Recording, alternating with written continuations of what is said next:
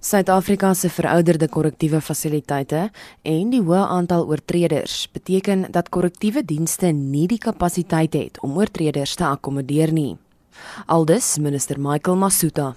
Part of the problem is that um, the rehabilitation path has had certain inefficiencies, where, for example, social workers' reports, psychologists' reports are either not up to date, uh, offenders have not been subjected to all the rehabilitation programs that they should because of shortage of staff in some instances. You know, we're dealing with overcrowding as well, with shortages of staff, which is being aggravated now with austerity. As you know, the whole of government is under fiscal pressure.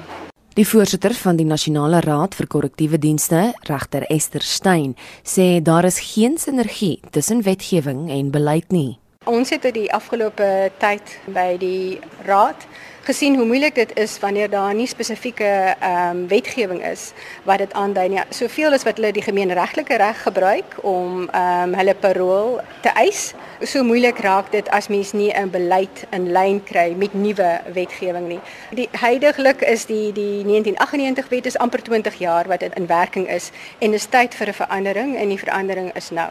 Die departement van korrektiewe dienste erken daar is uitdagings weens oorbevolking in die land se gevangenisse. Maar Masuta sê parol is 'n voorreg en nie 'n reg nie. Hierdie verslag van Tandiswa Mau, ek is Jean Marie Verhoef vir SAK nuus.